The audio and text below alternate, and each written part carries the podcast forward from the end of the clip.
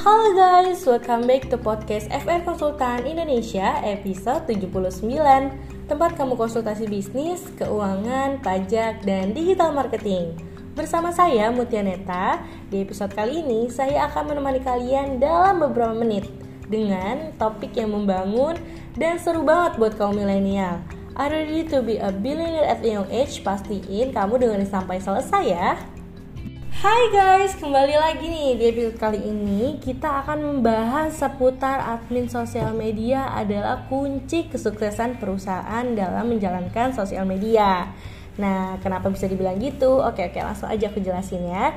Jadi, keberadaan sosial media saat ini menjadi salah satu hal yang penting bagi sebuah perusahaan atau pelaku bisnis, di mana dengan semakin pentingnya keberadaan teknologi sebagai penunjang sebuah bisnis, membuat media sosial sebagai bagian yang tidak terpisahkan dari sebuah aktivitas bisnis.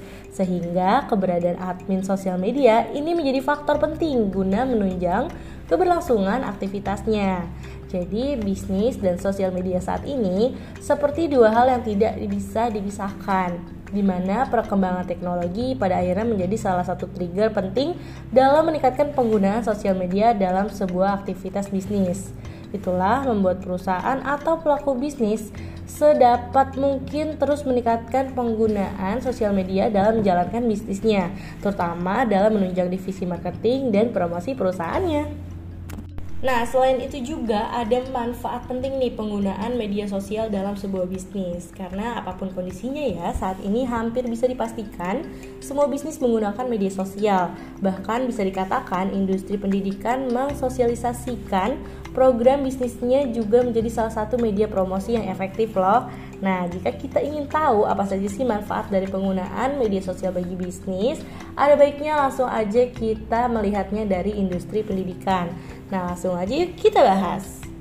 Nah, yang akan kita tekankan di sini adalah sebuah bisnis dalam industri pendidikan ya, terutama buat teman-teman mungkin yang mau membuka jasa les atau sekalipun sekolah. Nah, ini bisa banget jadi saran teman-teman.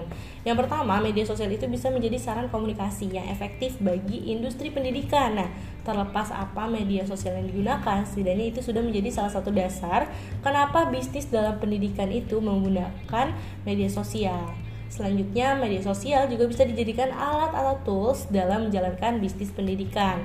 Kondisi itulah yang pada akhirnya membuat sebuah media sosial bisa menjadi media efektif untuk mendukung program pembelajaran jarak jauh seperti pada masa pandemi Covid saat ini. Jadi, media sosial itu juga bisa dipakai loh dalam industri pendidikan untuk menjadi media pembelajaran yang efektif. Salah satunya adalah menjadi media untuk menjalankan sebuah pembelajaran dalam bentuk praktek. Ini banyak digunakan ya melalui media sosial seperti YouTube. Dan kenapa media pembelajaran itu bisa efektif pakai media sosial ya? Sepertinya misalnya menjadi platform para siswa untuk melakukan kolaborasi pendidikan agar bisa mendapatkan hasil belajar yang maksimal.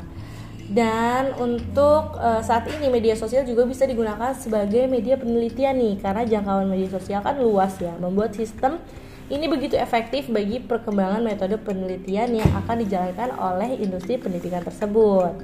Dan yang pastinya ya dari cara atau tools ini tuh efektif juga untuk kita dalam industri pendidikan berkomunikasi dengan pengajar atau pakar yang lokasinya mungkin jauh atau bahkan di luar negeri sekalipun.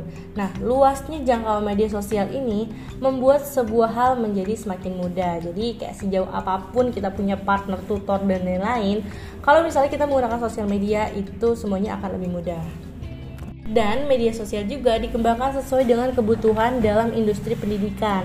Maka alat ini bisa dimaksimalkan sebagai tools untuk menjadi media pembelajaran modern yang cukup efektif dan efisien. Selain itu juga sifatnya bisa bersifat personal atau bisa digunakan oleh industri pendidikan dalam upaya menjadikan siswa belajar secara mandiri. Sebuah konsep belajar yang dahulu belum terfikirkan dan media sosial juga sangat efektif sebagai media promosi. Sehingga kapan pun di mana pun siswa atau mereka yang melakukan pembelajaran akan dengan cepat mendapatkan informasi. Baik informasi yang berhubungan langsung dengan dunia pendidikan ataupun lainnya. Dan yang terakhir adalah digunakan untuk meningkatkan siswa atau siapa pun yang ada dalam industri pendidikan bisa menggunakan media sosial untuk mengembangkan masalah literasi, komunikasi dan membaca karena semua itu bisa dilakukan secara mudah dalam berhubungan dengan adanya kecanggihan teknologi. Jadi itu dia teman-teman, kenapa sosial media itu bisa sangat berpengaruh dalam proses industri pendidikan. Nah, nggak kerasa ya teman-teman, kita sudah ada di penghujung podcast kali ini. Jadi, tips-tips yang tadi yang sudah aku jelaskan, semoga membantu buat teman-teman yang ingin membuka sebuah bisnis di industri pendidikan. Karena kalau misalnya banyak orang-orang yang mengembangkan sosial media itu sebagai uh, industri pendidikan, pastinya kan nanti akan berpengaruh pada negara kita yang mana muncul banyak uh, dari anak-anak pintar untuk bisa mengembangkan Indonesia lebih maju lagi ke depannya. Oke, okay, thanks banget ya buat para para Gen Z nih ya yang udah dengerin sampai akhir mengenai episode 79 kenapa sih kayak sosial media itu penting banget untuk kesuksesan sebuah perusahaan. Untuk mendapatkan lebih banyak tips dan trik tentang bisnis, keuangan, pajak maupun digital marketing, kalian pantau terus ya podcast FR Konsultan Indonesia dan tunggu updateannya di Instagram at FR Konsultan Indonesia. Oh iya, kalian juga bisa konsultasi gratis loh selama 20 menit pertama dengan menghubungi nomor 0813-8228-9991 atau mengunjungi website kami di frkonsultanindonesia.com.